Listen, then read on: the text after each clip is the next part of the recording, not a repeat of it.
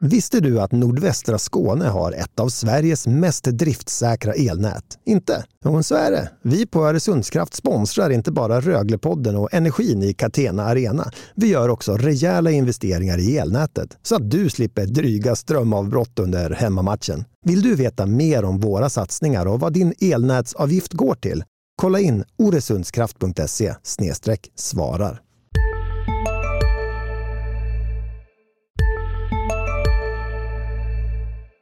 Vi börjar med en hälsning från vår samarbetspartner.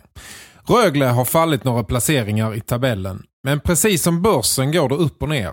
Söker du någon som kan hjälpa till med dina eller företagets placeringar, försäkringar och pensioner? Kontakta då Vågen Försäkringsbyrå.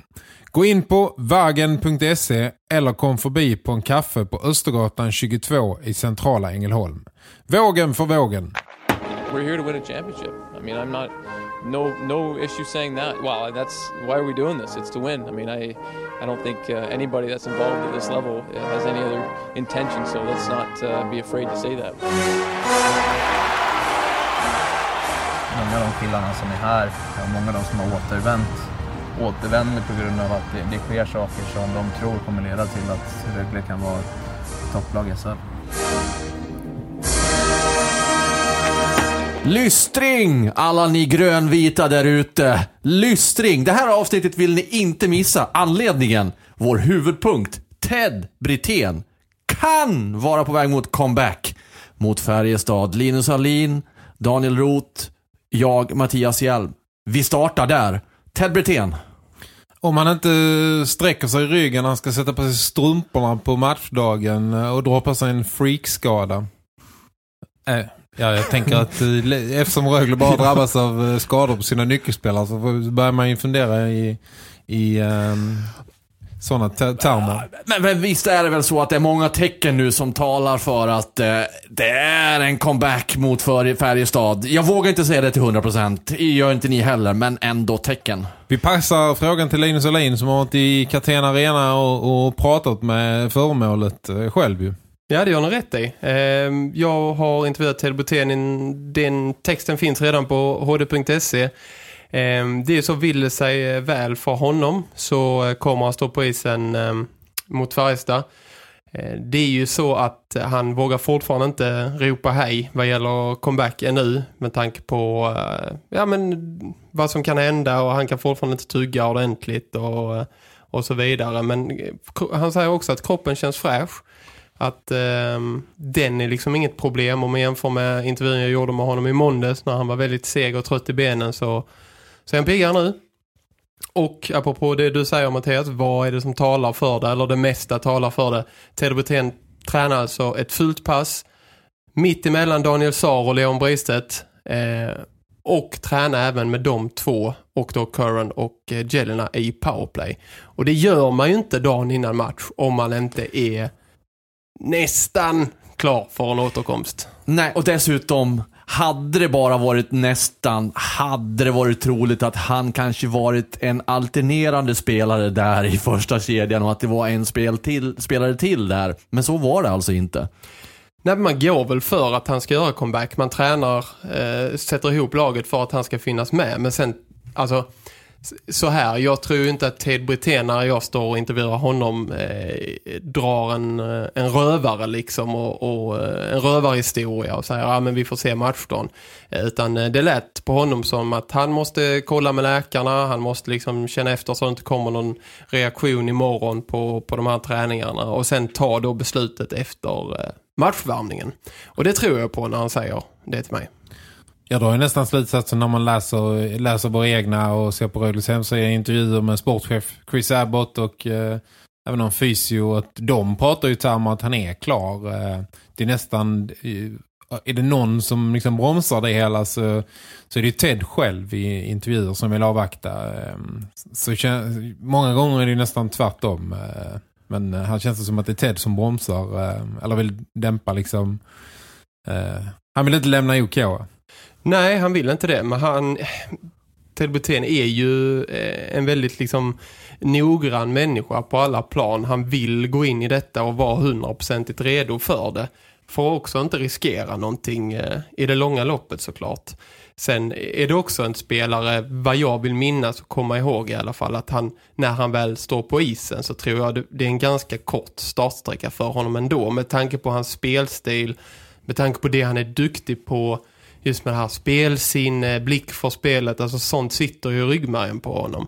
Det är väl mer flås och sånt som kommer att ta lite tid. Um, och få tillbaka såklart när man har borta från match så pass länge. Men summa summarum är väl att alla runt om honom vill ju såklart att han ska in och spela så snabbt som möjligt. Speciellt med tanke på att centerkollegan Mattias Sjögren har gått sönder. Mm. Och då, ehm, då blir det väl naturligt också att när folk vill så mycket så, eh, så försöker man gärna pusha eh, huvudpersonen ehm, ett steg i den riktningen. Sen oavsett när han kommer tillbaka så antar jag att det är till hans och lagets fördel att han går rakt in i en omgivning där han är 102% trygg med Bristet och Sar. Han vet om att eh, de kommer ha hans rygg. Så att det kommer, rent kemimässigt kommer ju det fungera. Och det är väl också en faktor i sammanhanget om man nu kliver in med någon slags osäkerhet.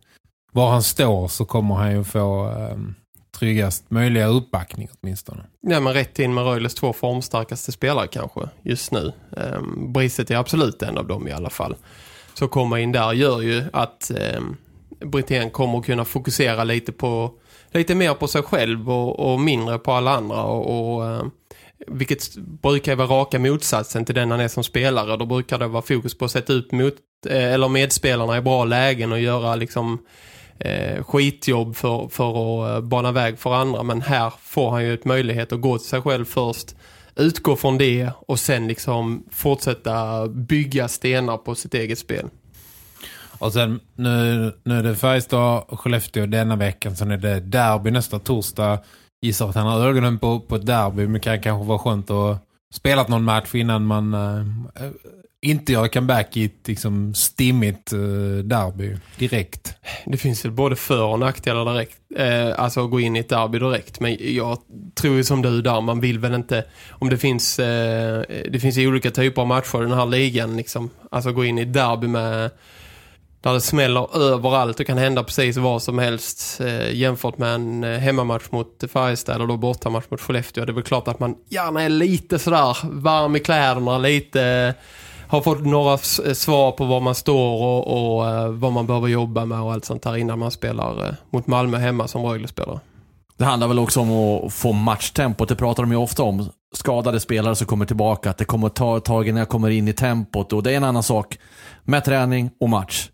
Och, och eh, jag tänker också att Ted Brithén, vilken annan spelare som helst nästan skulle kunna vara lite försiktig i uttalanden. Just att, äh, men kanske, kanske inte. Och mörka, inte lägga stor, för, stor press eller höga förväntningar på sig själv. Men Ted känns ju mer som, som du sa Linus, att säger han att han är lite tveksam, men då är han nog lite tveksam. Mm. Ja men det tror jag. Ehm, och det har ju gått så pass lång tid. Han har fått den här frågan eh, av oss här inne, eh, andra journalister, eh, folk på stan, lagkamrater. Alltså hundratals gånger. När spelar du igen? Hur är det? När spelar du? Och hade han haft ett tydligt svar på den frågan för första gången på två månader då är jag rätt så säker på att Telbotén själv hade velat kon alltså, kommunicera ut det och säga nu är det klart, jag gör comeback mot Färjestad, punkt slut. Det ska bli kul. Ja men ni vet, mm. istället för att dra den här en gång till, ja men det vi får se vad som händer och allt sånt. Jag tror han är ganska trött på det här själv. Alltså så jag tror att eh, hade han kunnat ge ett tydligt svar hade han nog varit rätt så snabb att ge det faktiskt. Ja, det ska bli häftigt att se. Det är ändå, räkna snabbt, det är, det är drygt två månader sedan alltså han spelade en hockeymatch senast. Det är ganska lång tid. Det är lång tid. Men som sagt, jag tror att eh, även om man såklart eh, måste ha i åtanke de kommande, om, ponera att eh, Botén spelar mot Färjestad så måste man ha i åtanke eh, liksom, denna veckans eh, matcher och nästa veckas matcher egentligen att han har en startsträcka. Men jag tror att hans spelstil talar för att han kommer in i... Eh, in i gängorna liksom ganska fort ändå.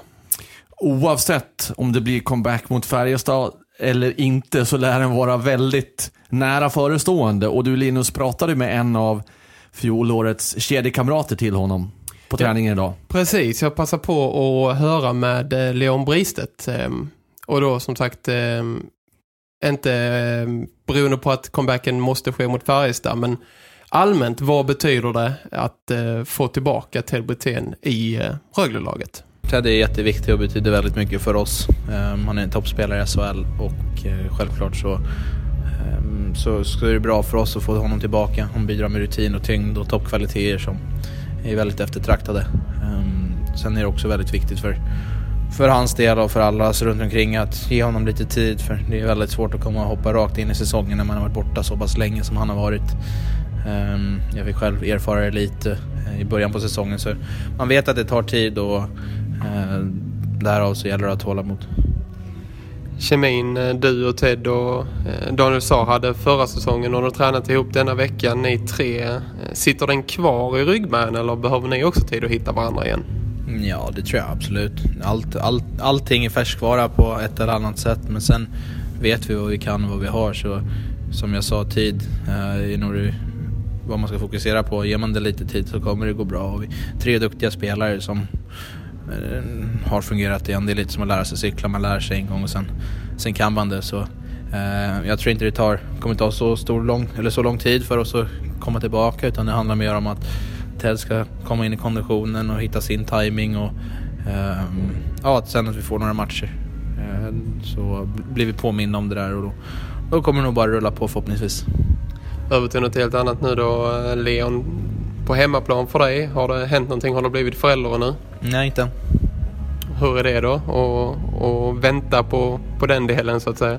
Mm, ja, lite jobbigt såklart men det är ingenting du kan påverka. Så det du, du har det i bakhuvudet hela tiden men det händer när det händer och när det händer så är man redo. Men eh, ja, man kan bara kontrollera här och nu. Eh, sen när eh, hon lill-tjejen väljer att komma då får man prioritera och fokusera på det. Men eh, jag tycker det funkar ganska bra. Jag, ingen större stress under dagarna utan min sambo gör ett jättebra jobb med det och jag kan fokusera på hockeyn. Apropå eh, prioritera, ni har en lång bortaresa mot eh, Skellefteå på lördag. Hur tänker du kring din medverkan i en sån match? Mm, vi börjar med torsdagsmatchen här imorgon och sen får vi se efter det. Ja, vad säger ni om intervjun, eller framförallt svaren då av Leon Bristedt? Dels om Ted Brithén, men också om den här stora frågan när han då ska bli pappa. För det kan ju ske när som helst. Ja, men det är som du och jag pratade om innan, Hjelm. Det, det kommer inte bli någon eh, match för de tre imorgon. Ingen återförening. Nej, det är ju, kan sätta mm, rätt mycket på att Bristet sitter på BB när Britén gör comeback imorgon kväll. Mm. Och om inte eh, Britén gör comeback mot Färjestad, då kommer inte heller barnet imorgon kväll. Nej, det, hur de än vänder sig så kommer, um, kommer det bli på, på något sånt. Så känns det ju liksom att eh, de har, eh, de har inte eh, liksom hela laget skadat men det är en otrolig liksom otur med, med nyckelspelare som försvinner hela tiden. Ja, det är en grymt skum säsong just på den punkten. Det går liksom inte att förklara det som att allt bara ska skyfflas emot dem. Kan det vara problematiskt, problematiskt så ska det vara det också. Men det är ju helt sjukt. Jag satt och pratade med dig Linus när du var på träningen och helt plötsligt bara skriker du Aj, nej, nu fick någon en puck i ansiktet. Jelena, hur gick det förresten? Jo, det gick bra med Jelena. han fick eh, pucken på visiret. Det var en sån jätteoturlig grej. En, en styrning som gick eh, rakt upp... Rakt upp på visiret på honom. Han fick väl då, alltså visiret stannade väl pucken så han fick den bara, om man nu kan få en puck lite grann i ansiktet så var det väl det som hände. Men eh, det var ju som att eh, om det var full fart och hej och hå på träningen så när det hände och Jelena kastade klubban och liksom la sig ner på isen då bara stannar ju allting upp. Eh, speciellt med tanke på att Jelena då kom och hopps nästan... Ja, han har ju haft en hjärnskakning tidigare under säsongen eh, med all problematik som det innebär. Så eh, det tog ett tag och sen så förstod folk att han var okej okay, och sen kom ju eh, Jelena tillbaka in och fullföljde träningen så det var inga konstigheter. Och jag, jag bytte ett par ord med honom efteråt också och, och frågade om eh, det var okej. Okay. Och det var det att han sa att just att den hade satt mestadels på visiret. Men det är ju lite sån här att Alltså eh, rada upp alla de spelare Rögle har haft på skadelistan och så kommer man fram till att det är i princip bara tongivande spelare så eh, oturen grinar ju dem i ansiktet och, och eh, de är nog ganska rädda för att de ska åka på fler smällar här nu.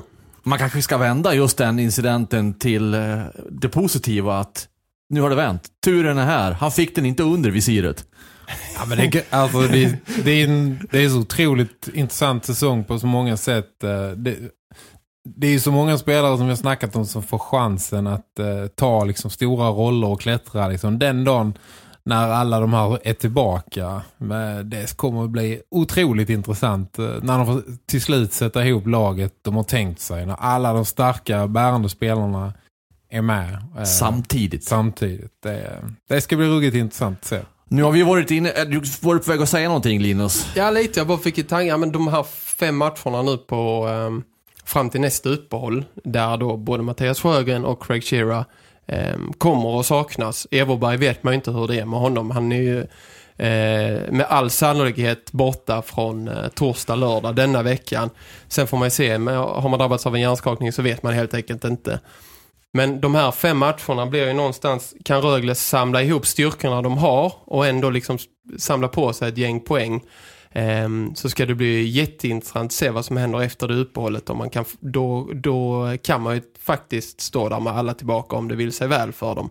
Men det var ju för sig det vi sa för ett par avsnitt sen eh, att det talar för att Rögle har ha full trupp. Så mycket kan ju hända men Ja, men de här fem matcherna har ju gått från att man ska få tänkte innan att nu ska vi se vad det här eh, Röglaget går för till att det är någon slags fem överlevnadsmatcher för att, och, eh, Får för att samla på sig så mycket man kan inför nästa break så att säga. Det är lite tur i oturen att, för dem att den här perioden nu är ju inte den mest intensiva under, eh, under säsongen nu. Det är ganska, det är torsdag, lördag. Eh, det är väl torsdag, lördag nästa vecka också. Det är två matcher bara. Det är inte så många matcher för fram till det här juluppehållet. Det är ju sen mot slutet. Jag tror när SHL avslutas. Så de tre sista veckorna är det ju matcher tisdag, torsdag, lördag. Eh, Så att um, om man nu kan styra de här skadorna till rätt del av säsongen så, så här långt är det, har de ju lyckats med det. Men vi har ju också pratat om mörka november. Hur mörkt det faktiskt kan vara. Nu har ju Rögle klar- klarat sig ändå hyfsat va, resultatmässigt även om det har blivit några förluster. Men skademässigt så har det varit mörkt. Och har är varit inne mörkt. i en liten svacka ju. Nej, men det har inte varit någon svacka. Nej, nej, En nej. förlust, eller en seger på sex.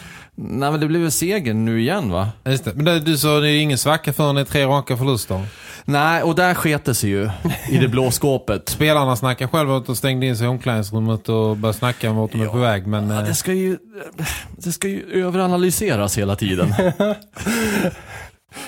okej. Ja, ja, nej, men det är ju bra att du, du är ihärdig i alla Ja, fall. men det är jag. jag. Jag tänker ändå att eh, utifrån förutsättningarna med nyckelspelare som har varit svarta så vet jag inte om man kan kalla det så mycket svacka egentligen.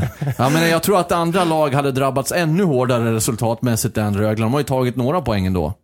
Jo, men det är mycket möjligt. Men det, det var ändå intressant. Eh, eh, Erik Andersson som jag intervjuade efter HV-matchen när de torskade 5-0.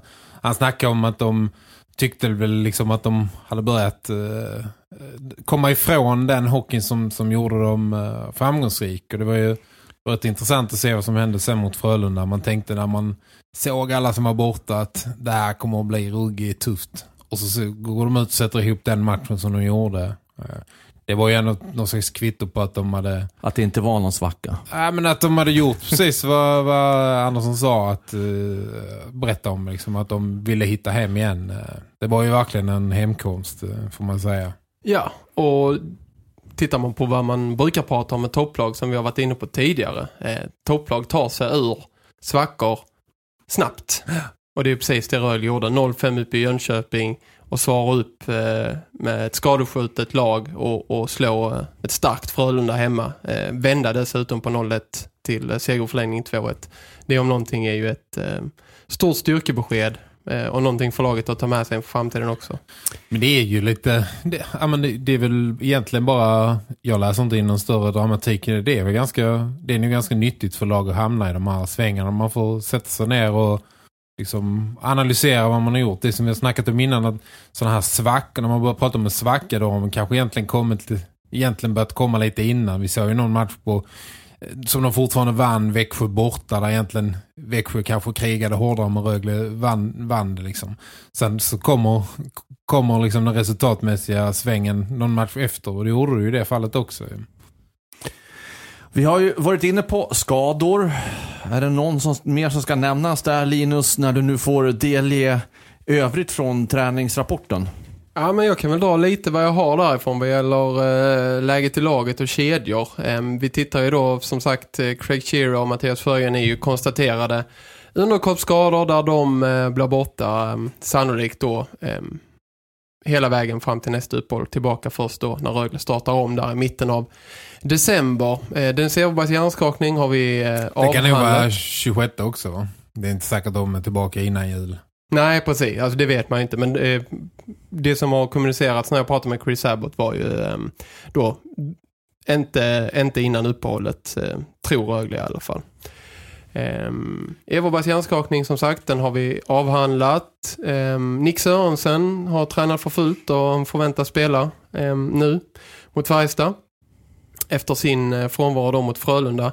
Och sen eh, Brithén vet ni eh, vad status är där. Eh, backparen på träningen Hansson Curran som vanligt, Bertov, Jelina som vanligt och Lesund Jonsson då också som vanligt får man säga efter Shearas skada. Ehm, kedjorna Saab, Brithén Bristedt, Höglander, Anton Bengtsson och Mattsson. Adam Edström, Ryfors och Dominik Bock. Och sen då Kevin Wenström, Erik Andersson, Nick Sörensen och alternerande spelare Hampus Gustafsson.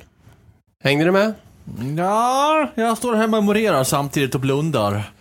Vi Jag kan- med, med. Vi kan väl ehm, upprepa då um, eh, andra line där med Höglander, Anton Bengtsson och Just Mattsson det. till exempel. Då får ju Anton Bengtsson eh, lite ny omgivning efter att ha vikarierat för Ted egentligen hela vägen med ja, de rester han har haft. Men framförallt eh, ja, men under en längre tid både med Sar och, och Bristet. Det som slår mig när jag ser den här trion på papper och också när jag såg dem på träningen är ju att det måste vara en fruktansvärt jobbig kedja att möta.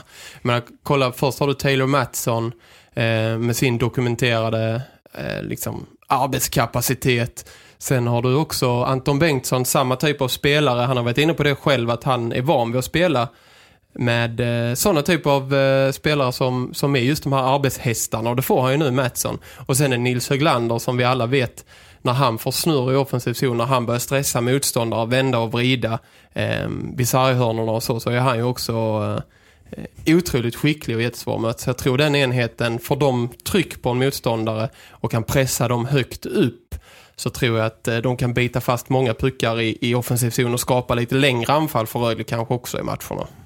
tror det är en nyckel från nu också att försöka hitta en omgivning där Höglander kan, eh, kan man få, få ut lite mer av honom. Jag gjorde ett snack med honom inför Frölunda-matchen. Då hade han ju spelat fem eller sex matcher efter sin comeback och, och bara gjort en poäng. Och det var ju sorgmålet målet på hovet. Eh, det är ju ganska klen utdelning ändå på, på den typen av spelare. Även om inte det säger hela sanningen förstås. Men eh, det känns som att de måste hitta en omgivning där han kan lyfta. Och det är väl rätt att testa med, det känns inte riktigt som att det hände med, med Sjögren intill liksom. Men nu kanske ser, intressant att se vad som kan hända med, med Anton Bengtsson och eh, precis som du säger en arbetshäst med, som Mattsson. Ser intressant ut. Det enda jag reflekterar över att det finns ingen utstuderad liksom fjärdekedja. Där är lite liksom eh, någon, någon liksom lite flashigare spelare i, i varje enhet. Bock i en och, och ehm, eh, Sörensen. Sörensen i en. Så det är ju liksom ingen, ingen utpräglad eh, knegarkedja känns det som. Nej. Mm. Okej, det var väl det från eh, träningsrapporten. Vem står i mål då? Just det, Det vem väl står i eh, mål? Rifalk. Ja, vi pratade om det, Daniel och jag här också, medan du fortfarande var i Ängelholm. Och eh, vi eh, diskuterade, jag sa det blir väl Rifalk, sa jag. Ja, och så var du inne Daniel på att man vet ju aldrig längre med, med Rögle. Jag singlar plektrum här. Ja, just det. Vilken sida kom upp? Eh, Det blev uh, vill. ja, men min tanke är ju att uh, tidigare säsonger så har varit ganska, ska inte säga enkelt, men hyfsat liksom gott att förutspå hur, hur, hur man tänker på målvaktssidan. Hela förra säsongen tyckte jag ändå att vi, man prickade ändå rätt de flesta gångerna. I år är jag he- helt lost. Alltså, I år känns det som att de har bytt tankesätt på något vis. Det är en- Står de inte två matcher i stöten då, ungefär? Jag, inte, jag blev inte klok. Alltså jag var helt säker på att uh, Rifalk skulle stå till exempel mot Frölunda när då man torskar 5-0 uppe i Jönköping och Rifalk var grym mot Frölunda uppe i Skandinavium. Eh, Men då stod Will igen och han var ju jättebra. Så det, det finns liksom ingen... Jag, kan inte, jag säger inte det för att eh, liksom, klanka ner på honom. Det är bara att jag tycker det är mycket svårare denna säsongen att förutspå eh, hur de ska välja på målvaktssidan. Ta med dig den två matcher i stöten-tanken. Ehm, Ja, men den är inte heller... Nej, jag helt, tror att det kan ha varit två eller tre sådär. Någon gång har det nog varit tre för någon. Har det inte det Linus, eller? Det, det Jo, kommer jag inte ihåg. enkelt. Men, men eh, anledningen till att jag säger Rifalk är för att ehm, han har ju varit eh, fantastiskt bra när han har stått. Eh, Willer har också varit jättebra, det är inte det. Men det har varit ett, ett långt landslagsuppehåll. Där han inte har, han fick ju inte stå någon match för Tre Kronor. Var bara med på vissa träningar innan han lämnade det läget tidigt. Vilket ju var förutbestämt. Och sen då tillbaka. Ni är inne på det själv, två matcher i veckan. Ehm, har inte stått på de två senaste. Nog vill man ha igång Rifalk igen nu och, och Ja, och du liksom- har övertygat mig. Jag var inne på Rifalk innan, men nu har du övertygat mig helt. Jag tänker också att det kan ha varit så att, okej, Will blev utsedd till bäste målis i Karjala, kommer hem, får den här matchen mot HV, blir många insläppta mål, att Cam någonstans, ja men vi låter honom få en match till och studsa upp igen och sen kastar vi in Rifalk. Jag vet inte, det känns ju som ett bra läge att göra det nu också. Jo men god psykologi att liksom försöka, han var ju bevisligen i superform under landslagsuppehållet att liksom hålla honom kvar, att tro på honom, lita på honom, eh, att låta honom vara kvar i den bubblan.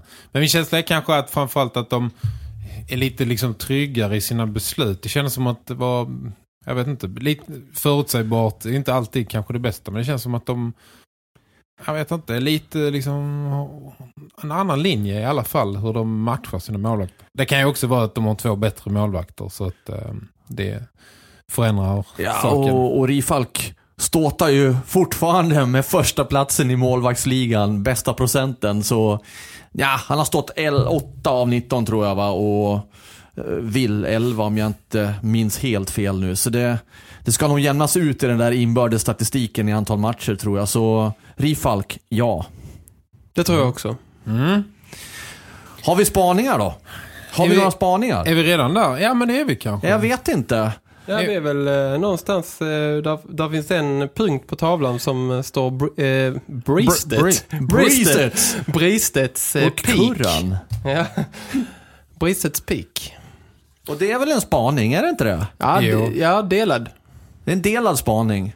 Ja, men han hade ju, som vi, alla, som vi har avverkat här många gånger, en väldigt stökig försäsong och, och sega sig i kapp. Men eh, det känns som att han eh, har liksom tryckt upp sin egen ribba jämfört med försäsongen på en högre höjd.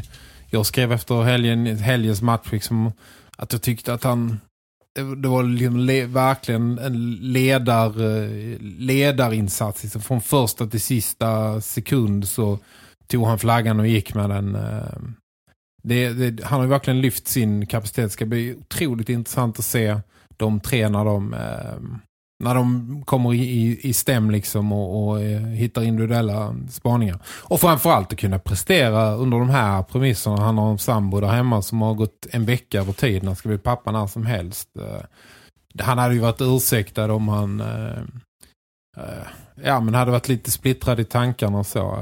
Han står inför något som är betydligt häftigare än att göra mål mot Frölunda. Jag har statistik som underbygger din teori. Okej. Vill du ta del av den? Ja, gärna. Ja, jag är lite sugen på det. Ja, men så här, jag eh, blev lite nyfiken på det här på, på när, eh, som sagt, vi har pratat jättemycket om Rögles skador. Har du också valt att bli egen? Då är det viktigt att skaffa en bra företagsförsäkring. Hos oss är alla småföretag stora och inga frågor för små. Swedeas företagsförsäkring är anpassad för mindre företag och täcker även sånt som din hemförsäkring inte täcker. Gå in på swedea.se företag och jämför själv. Hej, Synoptik här. Hos oss får du hjälp med att ta hand om din ögonhälsa. Med vår synundersökning kan vi upptäcka både synförändringar och tecken på vanliga ögonsjukdomar. Boka tid på synoptik.se. Ja, men, vilka spelare är det då som har liksom klivit fram och, och, ehm, och eh, gjort störst skillnad för laget? Och även åt andra hållet, vilka har, har ehm, inte fått sitt spel att stämma sista tiden. Så jag gick tillbaka och kollade en månad i tiden ungefär, alltså från ehm, datumet 19 oktober då fram till eh, dagens datum hur det ser ut på lite olika Eh, punkter för att se eh, och hur blåser de här eh, produktions- och eh, eh, formvindarna i truppen just nu. Och apropå Bristet då, han har ju spelat sju av de här åtta matcherna eh, och han har gjort nio poäng på dem. Ehm, eh, såklart detta är spring ligger på det. Tvåa är då eh, Daniel Saar som har spelat åtta matcher, eh, gjort eh, sex poäng. Och det kan man säga då också med målen att det är ingen spelare i Rögle mer än Sar och Bristet som har gjort fler än ett mål under den här månaden. Eh, det är alltså, de har gjort fem Bristet då och tre på Sar. Säger också en del eh, vilka som drar det här laget just nu. Tittar man då under så har vi Sörensen på sju matcher, tre poäng. Eh, Jelena har också spelat sju och gjort tre poäng. Eh, Jonsson har gjort tre poäng på de senaste åtta. Eh, Sjögren tre assist. Eh, Anton Bengtsson och Niklas Hansson också på tre poäng och sen eh, en hel radda på, på 2-1. Så det är intressant ändå att se vilka, alltså att de här två spelarna Bristet sa, eh, tittar man på poängproduktionen senaste månaden så sticker de verkligen ut. Och det är ju de som ska dra. När Brithén inte är med, när Everberg inte är med. Ja, Sjögren också till viss del, men kanske inte i poängkolumnen i samma omfattning som Bristedt och Sar. Så jag tolkar det som att de lever upp till förväntningarna där de ska vara. Samt, ja, det, det håller jag absolut med om. Samtidigt så är det ju intressant att Rögle liksom inte där bakom att man inte har fått igång någon annan forward lite mer. Alltså att få upp någon på det här. Men i alla fall har gjort 5-6 poäng på sista 7-8 matcherna. Eh, liksom fått in några assist i powerplay eller vad som helst. Jag tror att den här skillnaden behöver nog jämnas ut ganska så snart för att Rögle ska kunna eh, ta poäng framöver helt enkelt. Men man brukar ju säga att eh, en match är ingen match, två matcher är ah, kanske inte en trend, men tre matcher är en trend. Och det här är ju någonstans både konstigt och inte när du säger det tycker jag. För att det har ju varit ett genomgående problem hela säsongen. Produktionen. Och de själva har pratat om att de gör för få mål. Så att när du nämner de här siffrorna så kanske borde ha fått igång fler, ja. Men frågan är, kommer de att få igång fler nu när det börjar gå så här långt in i serien? Jag är inte så säker på det. Ja, men vi har ju vittnat om trubigheten rätt så länge. Jag kollar effektivitetsligan. Jag tror Rögle på plats 11 av 14 i SHL. Eh, Har någon slags omsättningsprocent på 8 procent lite drygt. Färjestad som man möter imorgon för övrigt etta i den. Nu har jag superspännande statistik som bara kugar rätt in i det här temat. Gott att se! Och Kemi! vad nöjd han är. Ja, jag är skitnöjd.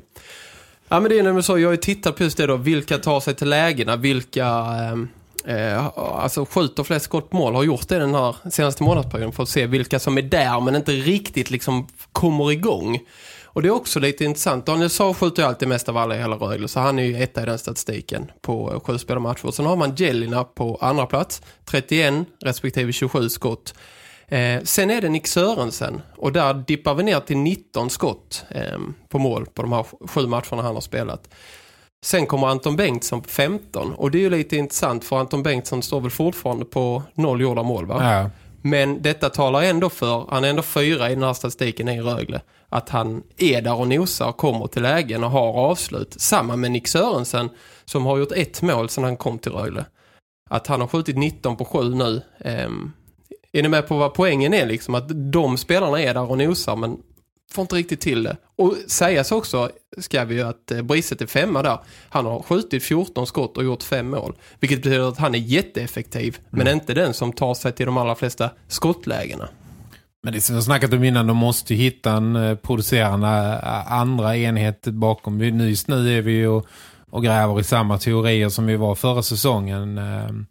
Att det, det fanns bara en producerande kedja och tomt där bakom. Nu har vi i och för sig ambitionerna att få igång den kanske delvis kan ursäktas i alla skador. Det känns ju som att Nick ändå har potentialen att börja göra fler mål och, och poäng. Men sen är ju frågan om Finns det bevittnat, dokumenterat, för att använda det ordet som du hade tidigare Linus, att de här andra spelarna skulle vara kontinuerliga poängmakare, inte minst med tanke på förra säsongen också. Det kanske behövs in ytterligare någon spets på den punkten. Men dokumenterat finns ju inte. Det finns ingen som har gjort det historiskt mer än Nick i, i Linköping. Eh, men liksom hela laget är ju byggt på det är SHLs yngsta lag. Så tanken är väl att alla ska utvecklas. Så det är klart att de hoppas att det finns. Jag menar, Eh, Nils Höglander ska, ska till NHL en dag. Det är klart att han måste vara en av de här spelarna som han kan inte göra en poäng på sex matcher. Liksom det, är, det är för lite. Så där, det, ja, de eh, måste hitta, hitta folk som kan kliva in i den follan. Tittar man då eh, i andra änden av den här skottstatistiken så har vi ju en sån som Mattias Sjögren. Nu gick han ju sönder i, i samband med Frölunda-matchen men han sköt eh, på åtta matcher då eh, som han spelar fyra skott på mål. Eh, Dominik Bock eh, sju, Adam Edström också sju. Till exempel så har ni koll på, på den delen också så, att säga. Noterbart också Taylor Mattsson som ju har gjort en del mål för Rögle då den här säsongen. Har gjort två poäng på de senaste åtta matcherna och skjutit nio skott på mål. Så där finns ju också en spelare med utvecklingspotential för att hitta tillbaka till den målformen han hade i början. Det var en Björk som fick sätta livet till. Ja, det var det. Vill du ha en sista kort spaning på eh, senaste månaden-temat? Alltid. Bra. Plus minus. Ehm, titta då när Rögle har varit nere i en svacka vilka spelare som ehm, eh, helt enkelt har haft bäst plus minus statistik. Och det är Niklas Hansson eh, plus 3, Leon Brestet plus 2 och Allen Lesund plus 2. Också värt att notera. I andra änden av eh, den här eh, statistikkolumnen finns faktiskt eh, Craig Shearer. Eh, backen då sex matcher spelade minus fem på de sex matcherna. Nils Höglander minus fem på sina sju.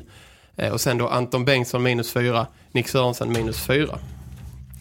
Och det tycker jag eh, Tunga siffror. jag stannar lite på det här med Shearer också. Det tycker jag är intressant att han, eh, när han eh, var i matchstudigt skick, eh, hade så pass eh, dålig plus minus statistik. Det är där han brukar vara stark. Mm.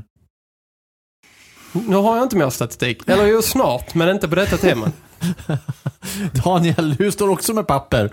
Eh, ja, men jag gjorde eh, det här kanske tillbakablickarnas eh, avsnitt. Ja, men jag ska blicka framåt. Ska du det? Ja, Gå. när du är klar där så ska jag blicka framåt. Jag gjorde en snabb eh, scanning. Vi backar exakt ett år tillbaka i tiden. Efter 18 omgångar i SHL.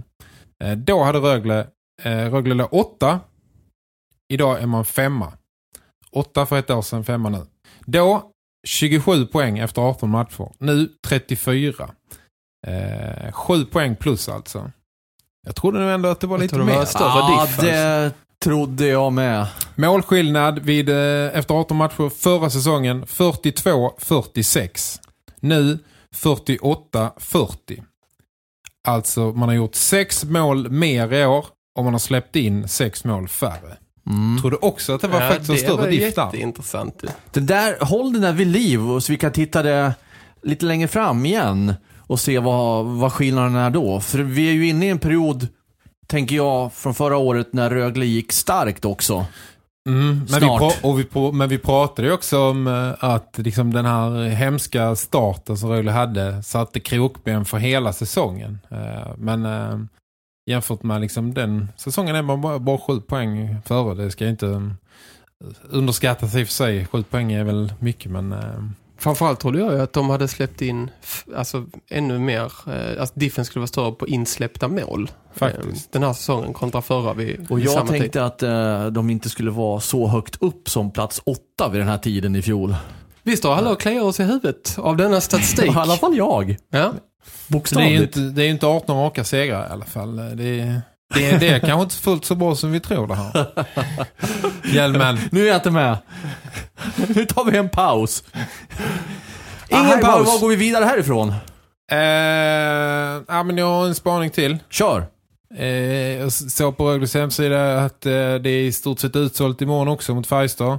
Det, eh, de har ju haft utsålda alla lördagsmatcher så här långt. Och när jag säger utsålda så har det kanske diffat på 30-40 ståplatser någon gång. Eh, men eh, utsålt eller nästintill utsålt är det åttonde av tionde. Mm, det är tionde hemmamatchen, det är åttonde gången som det händer. Det är bara Luleå och Oskarshamn där man dippade ner mot 4000. Och jag såg också att restaurangen är fullsatt fram till slutet på december, 30 december. Det är ju någonting som har hänt liksom intressemässigt. eh, Det är inte maten som har blivit bättre då? Nej, det tror jag inte. Det är, no det är någonting som händer nu. eh, Senast detta hände var ju 2008-2009 när Abbott spelade. Det var ju i stort sett varje match full. eh. Det är ju ja, det är ju intressant ändå. Man verkligen, känns som man verkligen fått med sig alla medgångare som finns. Eller hur? Ja men så är det ju såklart. Alltså det är väl också att folk eh, eh, folk ger folk eh, såklart. Alltså när man ser att det är sittplatser i slutsålda så går man längre fram och bokar upp matcher och så. Så är det ju med alla typer av ev evenemang liksom. Vet man att eh, jag kan vänta till en timme innan match och köpa en jättebra stol och sitta och, och se matchen från en jättebra vinkel. Då väntar man. Det är så folk funkar. Eh, det är bara gått sig själv. Man funkar så.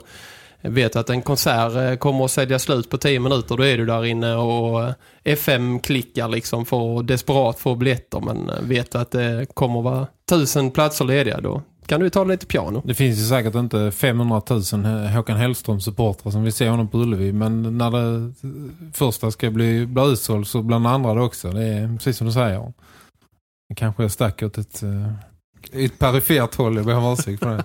Hjelm är nog ingen eh, Håkan Hellström-supporter. Nej, det tror jag inte. Nej, det tror ni rätt i. Soilwork hade inte sålt ut. är Håkan Hellström? Eh, är du klar eh, Daniel? Jag tror det. Ska jag, Jag gå på en sista, sista spaning? Gör det.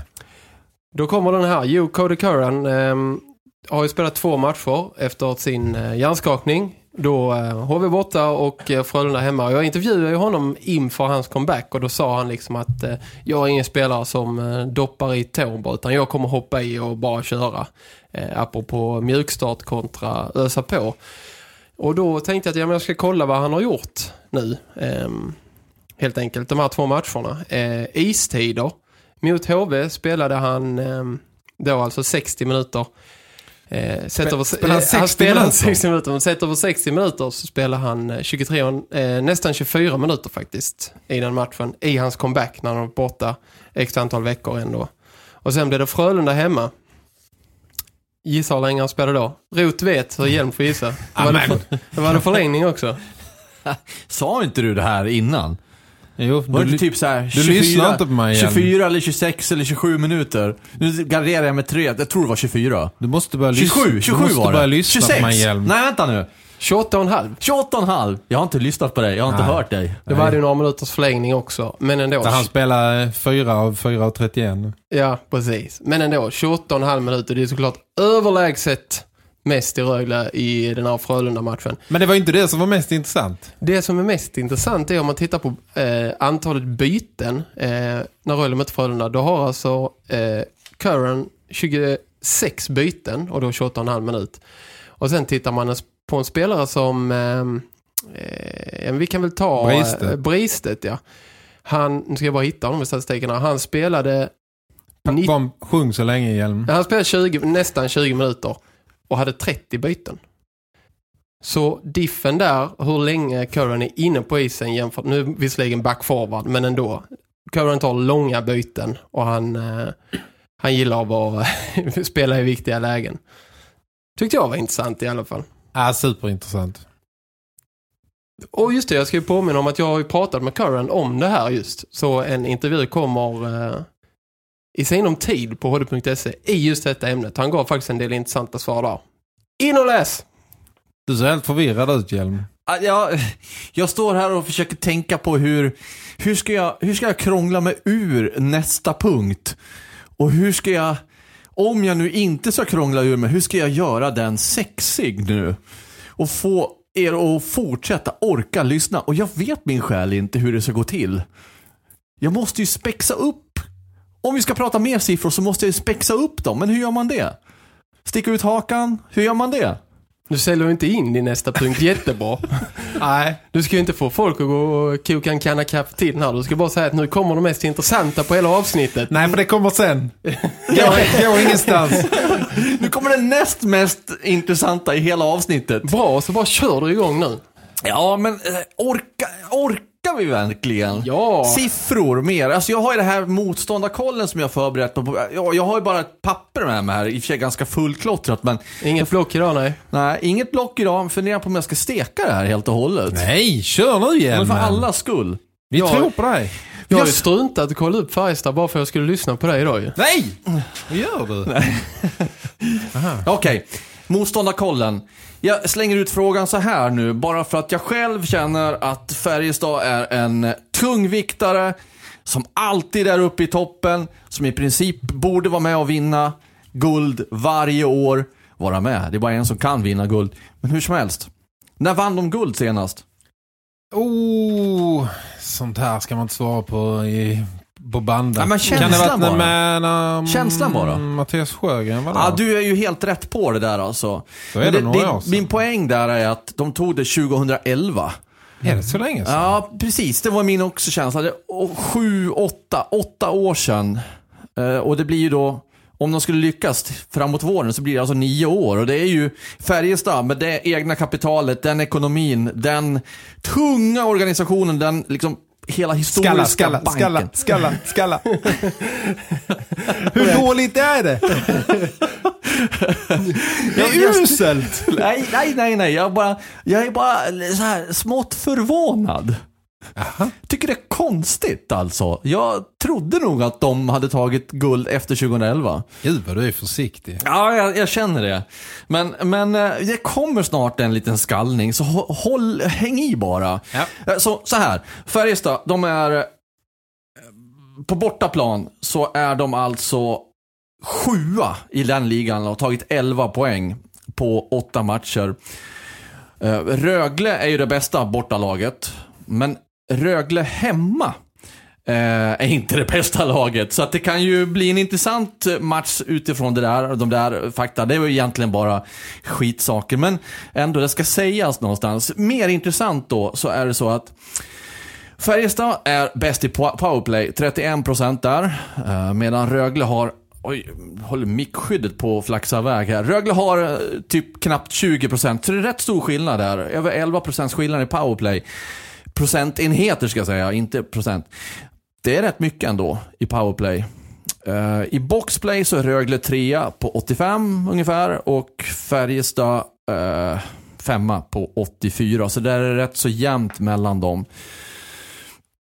Sen är det ju det att Färjestad ståtar ju med de två bästa, poängbästa spelarna i hela ligan. Marcus Nilsson 21 poäng och Mikael Lindqvist 19 poäng. Och nu kommer vi då till skallningen. Vad kan det vara? Vad, vad kan en skallning av Färjestad handla om? Usla... ja. Nej, men det här är också förvånande. Rino. Ah, det här är för... Nej, nej, nej, nej, nej, nej. Det här är förvånande papper faktiskt. Något med målvakterna. Ja, det är Nej, det. jag vad skulle jag säga. Det är Våga det. Brukar rikta in dig på målvakterna. Hjelm hatar målvakt. Nej, absolut inte. De är ju oftast de skönaste människorna i hela laget. Skruvade. Hjelm hatar Udde. inte målvakt. Nej, verkligen inte. Eh, Målvakter är sköna, sköna typer. Nej, men det förvånar mig att första målvakten Marcus Svensson då, om man tittar på alla första målvakter i, i ligan, så är han den som är sämst, bara 87,40%. Det är anmärkningsvärt med tanke på Färjestads lag dessutom. Andra målvakten Arvid Holm ligger på 89 och knappt 90%, så han har ju bättre, men han har inte alls stått lika många matcher. Och när man ser den här listan, goalies, ni vet, på, på Svea Hockey va? På engelska. ja. Men det är så det står där. Ja, jag vet. Ja, du vet det ja. Ja, ja. Och Röglepodden spelas in hur ofta Linus? En gång i veckan. Ja, det är bra, det är härligt. Eh, jo, där är ju så att han står som nummer, tror jag, nummer 19 alltså i den här listan. Och det är ju inte 19 lag i, i SHL, så de räknar ju med vissa lags båda målvakter där. Så det, han ligger ju väldigt långt ner. Där måste de ju shapea upp sig om de ska gå för guld. Kass, helt enkelt. Ja, men vi kan väl använda det ordet då för att inte ta i för mycket. Ja, vi kan väl i sammanhanget nämna då att Färjestad var i- i Göteborg igår och förlorade med 8-2 va? Mot Frölunda i Champions Hockey League. Som släppte åtta kassar igår. Ja, och, det, ja, och Färjestads form är ju inte dålig, men inte heller bra. I, i serien då pratar vi. De förlorade eh, senast mot Örebro, vann innan dess mot Djurgården. Och det här var ju efter uppehållet. Innan det så hade de en, en seger och en förlust. Så lite sådär halv tveksamt också på Färjestad faktiskt. Um, och ja, vi, vi släpper Färjestad där, för det kommer ju en match till på Skellefteå. Det är inte lika långt kring Skellefteå, men lite grann i alla fall. Vad ska vi ta? Vad vill ni veta om eh, Skellefteå? Är målvakten kass? Nej, Gustav Lindvall, nej det skulle jag inte säga att han är. 91,53%. Mantas Armalis eh, har spelat fyra matcher sedan han kom tillbaka då, 92 drygt i procent. Så att eh, Mantas får man väl ändå säga rankas förmodligen lite högre. Men! Nu ska ni få något mycket spännande. Hur bra går Skellefteå?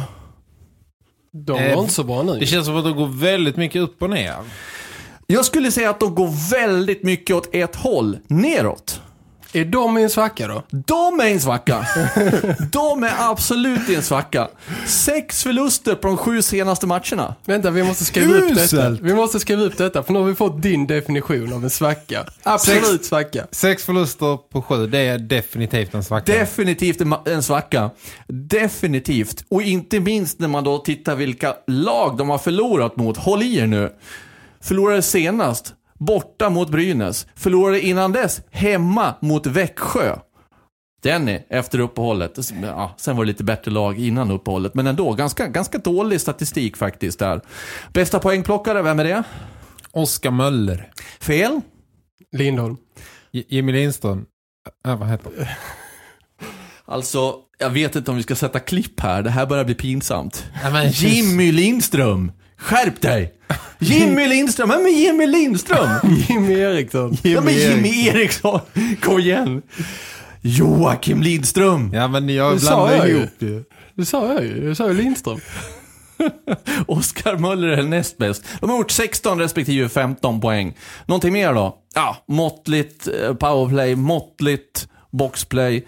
Ligger sjua i tabellen. Ja. Och så var det mellanmjölkhästen. Ja, det var det ju. Har, har snön kommit till Skellefteå? Det lär den ha att göra eftersom jag pratade med en spelare i en annan sport eh, för en liten stund sedan. eh, Och det var snö uppe i Umeå. Men eh, då bör det väl också vara snö uppe i Skellefteå.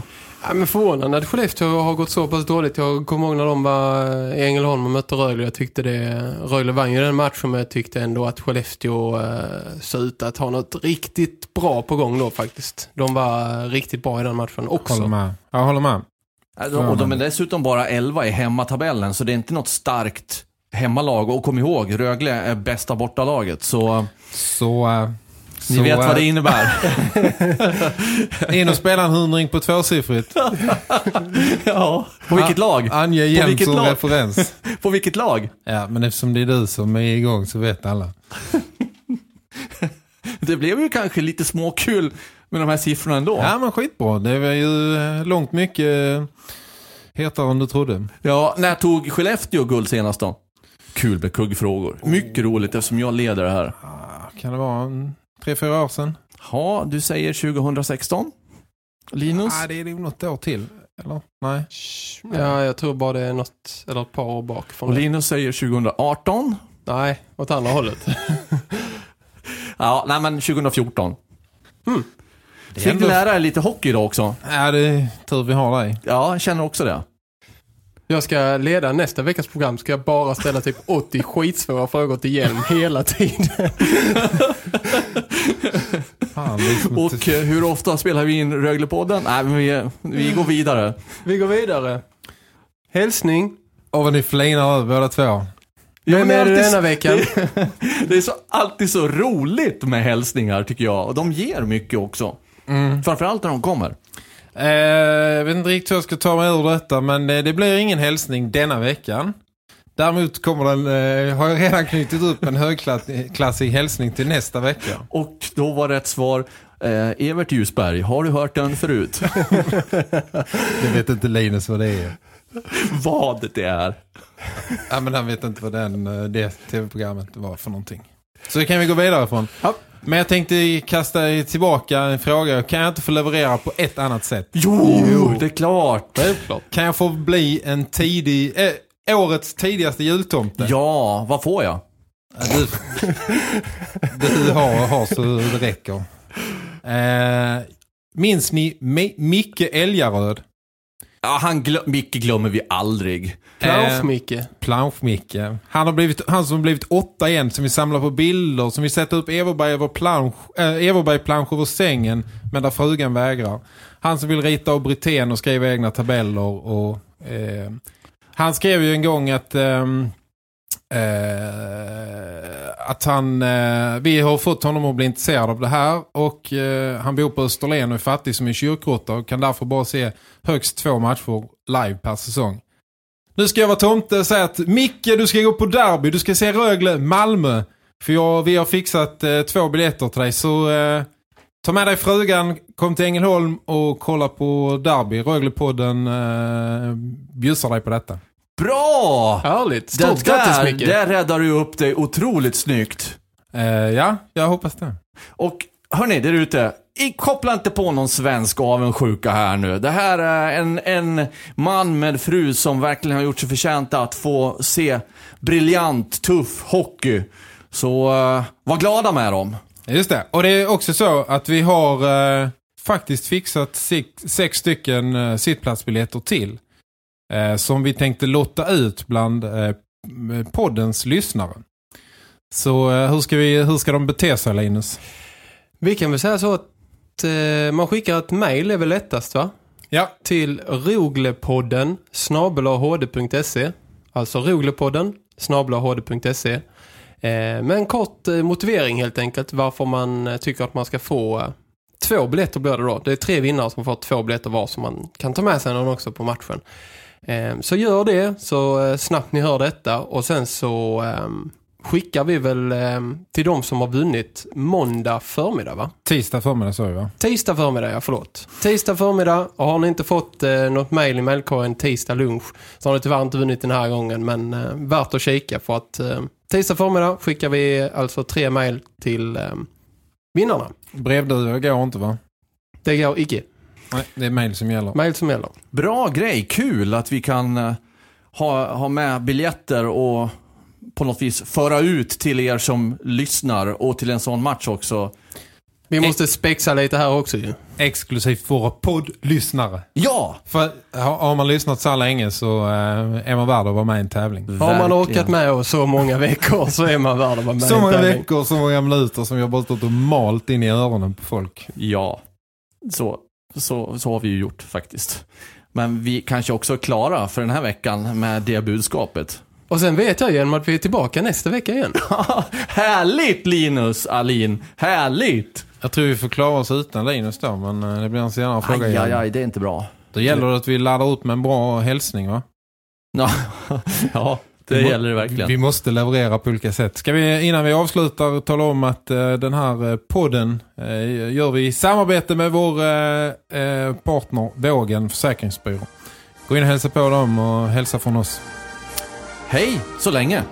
Hej! Hej! Hej,